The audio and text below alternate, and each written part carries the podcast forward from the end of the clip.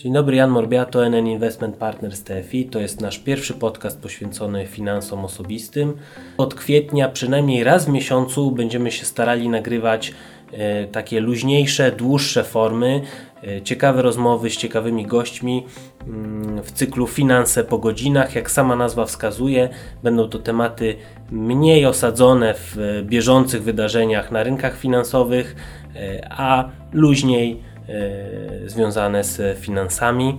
Nasze podcasty będziecie mogli odsłuchać na stronie Finanse po godzinach, która jest sekcją portalu nntfi.pl. Będą także dostępne na platformie SoundCloud. Wkrótce dojdą kolejne kanały, takie jak Spotify i inne tego typu aplikacje. Kończę już ten przydługi wstęp. Zapraszam na nasz pierwszy odcinek i rozmowę z Kasią Gandor blogerką, youtuberką, influencerką, mógłbym jeszcze długo wymieniać. A co w rozmowie? No między innymi odpowiemy na pytanie, czy w oceanie jest więcej plastiku czy ryb, czy instytucje finansowe, które starają się być eko są wiarygodne, a także no, co się bardziej opłaca, czy inwestycje w spółki zbrojeniowe, czy wręcz przeciwnie w spółki, które są wrażliwe na społeczeństwo, środowisko, ład korporacyjny. Zapraszam. Cześć Kasiu. Cześć, dzień dobry. Y, na blogu, na YouTubie y, poruszasz szeroki zakres y, tematów, ale mam wrażenie, że środowisko, wpływ człowieka na środowisko i to, jak możliwie pozytywnie oddziaływać na to środowisko, jest dla Ciebie ważnym, ważnym tematem. Czy możesz powiedzieć, dlaczego tak jest? Dlaczego tak się stało w ogóle? Wiesz, co stało się tak y, trochę przy okazji. Ja nie miałam żadnego takiego momentu, który byłby jakiś przełomowy, chociaż było kilka różnych tematów związanych z tym środowiskiem, które mnie bardzo, które mną wstrząsnęły. Mm, natomiast to jest taka rzecz, która się dzieje u mnie w tle z uwagi na to, co ja studiuję, jest to biotechnologia, z uwagi na to, czym się zajmuję, a jest to popularyzacja wiedzy z tych obszarów takich technologiczno-naukowych, przyrodniczych. Te wszystkie zagadnienia środowiskowe to są takie tematy, które mi towarzyszą, które się pojawiają mimochodem i, i które zawsze gdzieś wypływają prędzej czy później e, w obszarze tych moich zainteresowań. A powiedziałaś, że e, były takie informacje, które Tobą wstrząsnęły. Co konkretnie?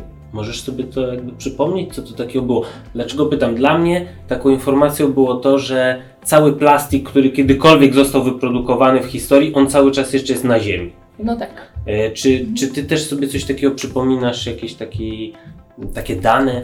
Mhm, dla mnie zagadnienie plastiku w ogóle było takim tematem, który ze mną bardzo mocno został i bardzo dużo mu poświęciłam to, co powiedziałeś, cały plastik ciągle jest na Ziemi, jeszcze będzie pewnie przez jakieś 300-400 lat. E, ta dana o tym, że już niedługo w oceanach będzie więcej plastiku niż jest ryb. Mm, generalnie skala tego problemu, kiedy poczytasz sobie, ile tego plastiku jest produkowane, ile tam na minutę tak. czy na sekundę ląduje w oceanie, jak strasznie mały odsetek plastiku wyprodukowanego jest poddawany recyklingowi to, to to są dane, które bardzo otwierają oczy i które mm, pokazują Ci, jak gigantyczna jest skala tego problemu. I, I, kiedy dowiedziałam się tego po raz pierwszy, to no potem przez kilka dni chodziłam po prostu z klepkami na oczach, nie mogłam myśleć o niczym innym dosłownie. A czy w Twoim pokoleniu taka wiedza jest y, powszechna?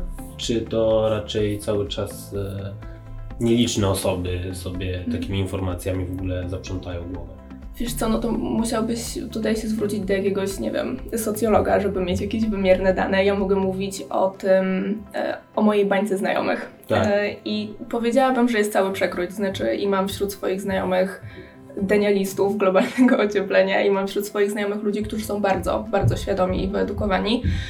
E, natomiast to, co obserwuję, taki trend, i wydaje mi się, że on jest zgodny z tym, co, co wychodzi w badaniach w ostatnim czasie, mm, to jest to, że bardzo rośnie grupa ludzi, którzy mówią, że już jest za późno, że już się nic nie da zrobić, że tak właściwie no, ludzkość jest skończona, że skala tego problemu jest, jest zbyt duża, żebyśmy byli w stanie sobie w obecnym systemie e, i w tym, jak świat jest ułożony, z nim poradzić. Wydaje mi się, że to właśnie wynika z tej wiedzy. To znaczy, jeśli człowiek zacznie czytać, zorientuje się, jak gigantyczna jest skala tych problemów ze środowiskiem, czy z plastikiem, zanieczyszczeniami, z globalnym ociepleniem, e, to dochodzi do niego, że takie działania na poziomie jednostki, to znaczy, czy ja sobie dzisiaj kupię plastikową butelkę, albo czy, nie wiem, wyłączę wtyczkę z kontaktu, one w jego oczach zaczynają stawać się działaniami bez znaczenia. Zupełnie i, wtedy włącza się bezradność, wtedy ten strach nie jest motywujący, tylko jest paraliżujący i, i stąd chyba pojawiają się takie poglądy i to jest taki trend, który obserwuję w ostatnim czasie i wśród swoich znajomych i generalnie w jakiejś takiej narracji w mediach chociażby.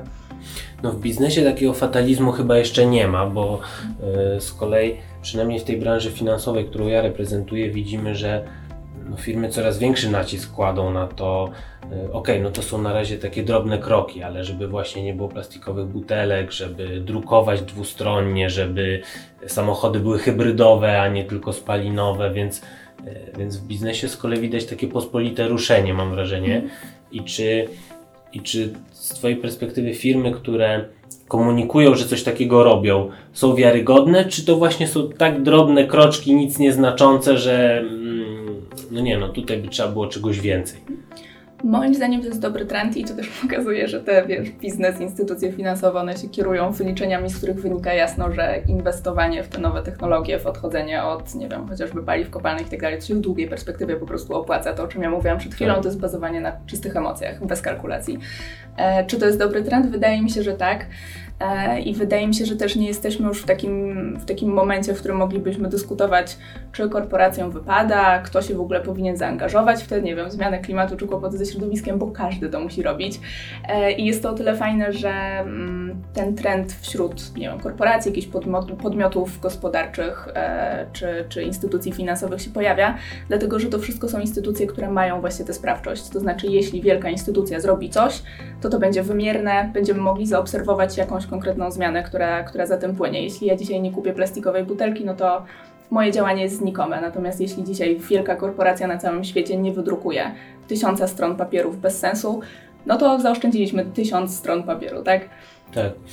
No z drugiej strony jednak to też taki właśnie sceptycyzm się pojawia e, wśród obserwatorów tych poczynań, bo pamiętam niedawno, dosłownie kilka tygodni temu, jeden z banków pochwalił się w mediach społecznościowych, że właśnie odszedł od plastiku e, w, w, butel, w butelkach, w formie butelek, ale mm, no i, w, i, w, komentarzach e, od razu pojawiła się lista rzeczy, które jeszcze cały czas mają plastikowe, w stylu, że no dobrze, a karty, a coś tam, a coś tam. I to, i to też była taka z mojej perspektywy osoby odpowiadającej za komunikację w firmie, która też się stara takie rzeczy robić, no to był taki kubeł zimnej wody, no bo niezależnie od tego, co byś się nie starał zrobić, to zawsze będzie za mało, no bo ci znajdą, że jeszcze gdzieś tam coś trzeba cały czas poprawić. Tym niemniej chyba jednak e, no, warto od czegokolwiek zacząć. Tak? Dokładnie tak. Znaczy, też wydaje mi się, że no, każdy krok w dobrą stronę to jest tak czy siak krok w dobrą tak. stronę, niezależnie od tego, ile jeszcze jest do zrobienia, więc, więc warto go podejmować. Natomiast tutaj się jeszcze pojawia ten tak zwany greenwashing, czyli przez to, że ten zielony marketing jest takim ogromnym trendem. Wiadomo, są korporacje, są firmy, które są uczciwe, im zależy na środowisku i tak dalej, podejmują e, chwalebne działania, natomiast no, nie wszyscy są uczciwi, świat nie tak. jest idealny i pojawia się ten greenwashing, czyli takie mm, przekonywanie klientów o tym, że jakiś produkt jest lepszy, posługując się właśnie odwołaniami do natury, do przyrody, do jakichś wartości związanych z, nie wiem, ze zwierzętami, ze zdrowiem e, i tak dalej. Widzimy to wszędzie. No co drugi produkt w tak. drogerii ma zielony kartonik, tak. zdjęcie na tle liścia monstera albo bananowca i no trzeba być wrażliwym na to, bo e, bo ten zielony marketing jest ogromnym trendem. Ludzie bardzo chętnie chcą teraz kupować rzeczy. Um, bazując na tym, że one są, nie wiem, dobre dla ich zdrowia czy dla środowiska. No i są też instytucje, które niestety wykorzystują te nadzieje, więc trzeba być czujnym. A jakie właśnie produkty, przedmioty, czy może usługi takie dla Ciebie jako obserwatorki właśnie tych trendów, yy, które rzeczywiście są wiarygodne, są naprawdę eko, jakie zwróciły Twoją uwagę? Ja bardzo pilnie i uważnie śledzę poczynania całego tego biznesu, który próbuje wytworzyć bezmięsne mięso. E, mhm. Czyli mówię tutaj o tych startupach, to jest przede wszystkim w Stanach Beyond Meat, oni się nazywają, tak. i Impossible Foods. E, dodatkowo też cały ten trend mięsa z probówki, czy generalnie jakieś burgerownie, które, mm, jest taka szwedzka burgerownia, która się nazywa Max Burgers, i oni mają, sprzedawali zawsze burgery i byli chyba jedną, jedną z pierwszych firm, która zaczęła mówić to otwarcie, że kurczę, no produkcja mięsa jest katastrofalna w skutkach dla środowiska i chcemy to zmienić i ich misją jest to, żeby przestać sprzedawać burgery z mięsa, za to nakłaniać ludzi do e, roślinnych alternatyw. E, I tu wydaje mi się, że jest ogromny potencjał i, i to jest ta działka biznesu, która faktycznie może przynieść ogromną, ogromną zmianę. A słyszałaś o y, w ogóle właśnie o inwestowaniu takim odpowiedzialnym środowiskowo, społecznie? Piąte plus dziesiąte. Okej. Okay. To ja w takim razie bym Ci chciał pokazać kartę naszego funduszu. Tutaj słuchaczom może powiem, co robię. Otwieram teraz właśnie kartę funduszu NNL Globalnego Odpowiedzialnego Inwestowania, w którym są różne informacje, to w jakie spółki inwestuję, na jakich rynkach geograficznych. To jest karta aktualizowana raz w miesiącu, ale są też informacje, zaraz tutaj e, pokażę je Kasi, o tym, jak spółki w portfelu funduszu oddziałują właśnie na między innymi na środowisko. Tutaj widzimy, to są akurat dane na, z pierwszych trzech kwartałów poprzedniego roku.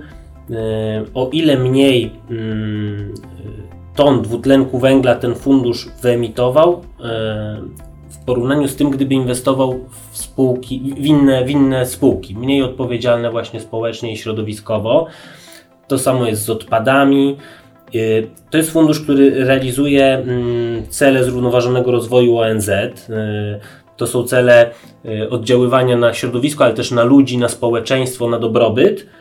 No i on musi raportować co miesiąc, jakie, które cele, które spółki w jakim stopniu realizują.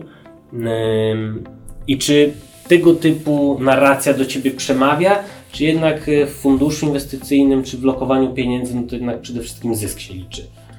Ha, no właśnie, to jest dobre pytanie. To znaczy, do mnie osobiście taka narracja bardzo przemawia, aczkolwiek też patrząc takim dużym obrazkiem, e, boli mnie trochę w całym tym systemie ekonomicznym, w którym się aktualnie znajdujemy, to, że nie jest w nim wprowadzona ta zasada pod tytułem zanieczyszczający płaci. To mhm. znaczy, mhm. boli mnie na przykład to, że jeśli ktoś chce dokonać bardziej świadomego wyboru i kupić sobie rzecz, która jest produkowana w sposób mniej e, obciążający środowisko, to musi za nią zapłacić więcej niż za taką, która, nie wiem, poskutkuje wysoką emisją, zużyciem jakichś absurdalnych e, ilości wody i tak dalej. Chciałabym, żeby ten system w końcu został odwrócony, żeby on tak. przestał być tak absurdalny, jak jest dzisiaj. To znaczy, wszystko, co jest najbardziej szkodliwe dla środowiska, przez jest to, że tanie. nie mamy tak opłaca, nie wiem, emisje, odpady i tak dalej, jest po prostu tanie. Mhm. No to na poziomie właśnie jakiegoś opodatkowania by się musiało odbywać. Tak, no tutaj ten, te systemy handlu emisjami chociażby sprawdzają się całkiem nieźle. Pytanie o to, bo on obowiązuje też także w Unii Europejskiej, pytanie o, o jego skalę pozostaje ciągle otwarte, nie?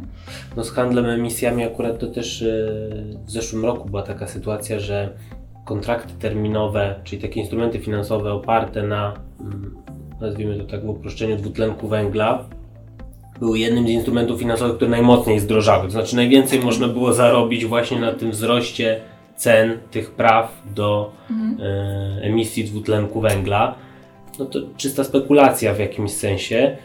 E, no ale to też pokazuje, w jaką stronę zaczyna się ten świat finansowy mhm. powoli e, nastawiać. Tak? tak, jest to mm, dla mnie obserwowanie tych wszystkich finansowych instytucji, ich poczynań jest ciekawe właśnie od tej strony, że ja mam pewność, że to są decyzje, które są podejmowane w oparciu o jakieś racjonalne tak. przesłanki. Tak. To znaczy to widać, że bankierzy, tak. że ekonomiści się obudzili i, myśl, i, i policzyli to, że kurczę, inwestycja nie wiem, wydobycie węgla i, i przestarzałe technologie się po prostu nie opłaca, e, więc obserwowanie tych rynków ekonomicznych jest taką, mm, takim kurczę, papierkiem tak, lakmusowym tak. tych trendów, które prawdopodobnie będą się rozchodzić także na inne gałęzie mm, gospodarki. To jest tak jak mówisz, że z inwestowaniem w spółki, które albo realizują te cele zrównoważonego rozwoju ONZ, albo generalnie zwracają uwagę na te aspekty ESG, czyli Environmental Social Governance, czyli środowiska, społeczeństwa i, i ładu korporacyjnego. Ich notowania, notowania ich akcji są mniej narażone na wahania.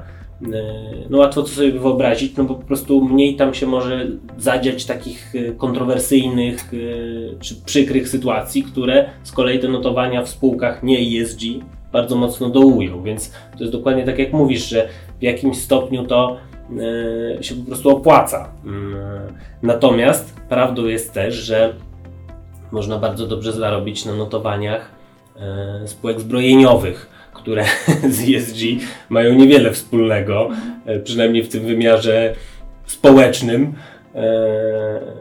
No i, i pytanie właśnie, czy maksymalizacja stopy zwrotu kosztem wszystkiego, czy jednak y, pozytywne oddziaływanie na środowisko kosztem może troszkę niższych zysków, ale przy mniejszych wahaniach mhm. tych zysków, tak? Więc to to jest pytanie perspektywy, o perspektywę czasu. To znaczy, tak. jak ja myślę z perspektywy zysku w tym miesiącu albo w tym półroczu, no to jasne, inwestuję sobie w, nie wiem, spółki zbrojeniowe, tak jak powiedziałeś, ropę, węgiel, co mi się tam podoba.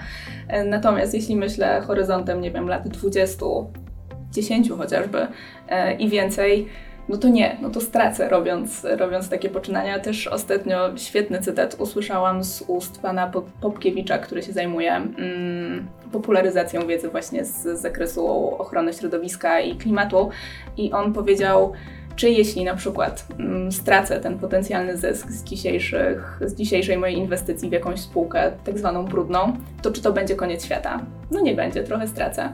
Ale jeśli nie podejmiemy żadnych działań mm, we wspieraniu tej polityki takiej prośrodowiskowej, no to czeka nas koniec świata. Tak więc mm, trzeba, trzeba myśleć tą perspektywą czasową i trzeba też brać pod uwagę alternatywę. To znaczy albo niszczymy środowisko i mamy koniec świata, ale sobie zarobimy o 10% więcej dzisiaj tak. albo w tym miesiącu, albo po prostu działamy i unikamy końca świata. Kasiu, nie wymyśliłbym lepszego zakończenia dla tej rozmowy, lepszego cytatu na koniec. Nie mojego autorstwa, podkreślam. Tak. Dziękuję Ci bardzo. Dzięki wielkie.